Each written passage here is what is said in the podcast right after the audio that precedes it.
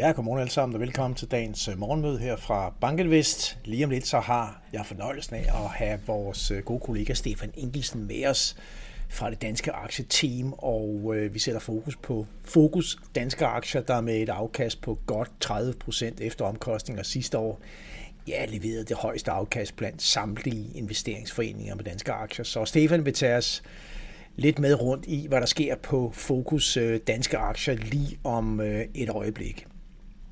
Og alt imens, så lad os lige se på, hvad der sker på aktiemarkedet. Apropos, vi havde jo en ganske god dag i går, også på det danske aktiemarked var op med 1% og danske aktier er op med knap 2% øh, år til dato på nuværende tidspunkt. Ikke de store bevægelser, men i positiv retning, vil jeg mærke.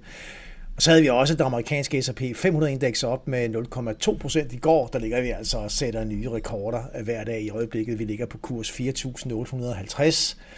Og øh, det er all-time high, og vi ligger cirka 3% fra at nå kurs øh, 5.000, som sikkert vil udløse en masse kommentarer og mediebemærkninger, øh, overvågenhed af det hele taget. Så en, øh, en ganske positiv rejse, som vi har set på det her toneangivende amerikanske børsindeks, siden vi var nede og, og lavede en bund tilbage i oktober måned. Hvilken stigning vi har været vidne til.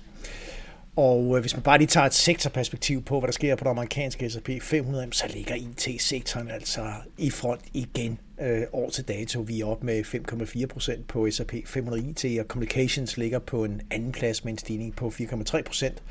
Og det var også de sektorer, som var med helt i front øh, sidste år. Det var Consumer Discretionary også, er dog faldet med, med cirka 2% her år til dato. Men, øh, og så kan vi også notere os, at healthcare kommer ind på en tredjeplads år til dato med en stigning på 2,6% indtil videre. Lå noget lavere i feltet øh, i 2023. Men altså alt i alt bare interessant at notere sig, hvilken styrke der ligger i IT-sektoren i USA. På rentesiden lidt op og lidt ned. Øh, dag til dag i går var det så ned med 5 basispunkter på den 10-årige tyske rente og også på den 10-årige danske statsrente. Og i Tyskland ligger vi lige omkring 2,3 procent i øjeblikket. Vi er stadigvæk op med en 25-27 basispunkter år til dato på, på renterne i Tyskland og, og Danmark, og 20-25 basispunkter også på den 10 amerikanske rente. Så vi har også set niveauerne løfte sig en smule, konsistent med, at vi ser de her offensive forventninger til rentesænkninger dæmpe sig en, en lille smule. Bemærker vi her på torsdag i øvrigt har møde i ECB, ikke nogen forventninger om ændringer i noget som helst, men kommunikationen vil selvfølgelig komme i klart fokus. Vi har et marked, der priser rentesænkninger på ca. 140 basispunkter i 2024. Vel at mærke starten allerede her i, i foråret. Jeg mener, der er priset den første rentesænkning ind på 25 basispunkter, når vi når frem til, til maj. Og øh, lad os se, om ECB kan levere på det, og hvilken retorik der kommer. Og så her i aften, så har vi altså også et øh, super spændende primærvalg i USA, New Hampshire. Det er det andet primære valg, som, øh, som vi er kørende. Ja, altså valget i Iowa, hvor Trump jo vandt. Øh, det var et caucus.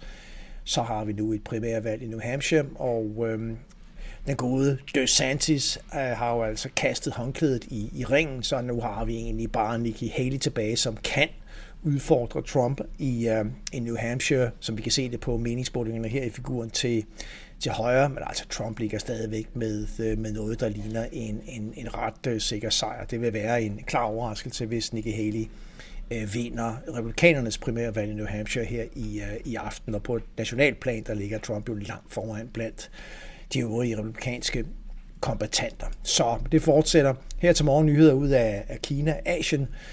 Det forlyder, at de kinesiske myndigheder de vil virkelig trykke på speederen i forhold til støtteopkøb ind i aktiemarkedet, som jo er, er faldet øh, ganske, ganske brutalt. Og der er, er forlydende om, at vi taler om et beløb på, hvad der svarer til cirka 2.000 milliarder danske kroner. Så det er ganske stor bazooka, som man potentielt vil, vil hive frem øh, og begynde at investere i kinesiske aktier fra fra de forskellige statsejede fonde. Øh, det løfter i hvert fald markedet her til morgen. Vi er op med cirka 3% på øh, Hang Seng-indekset i, øh, i Hongkong.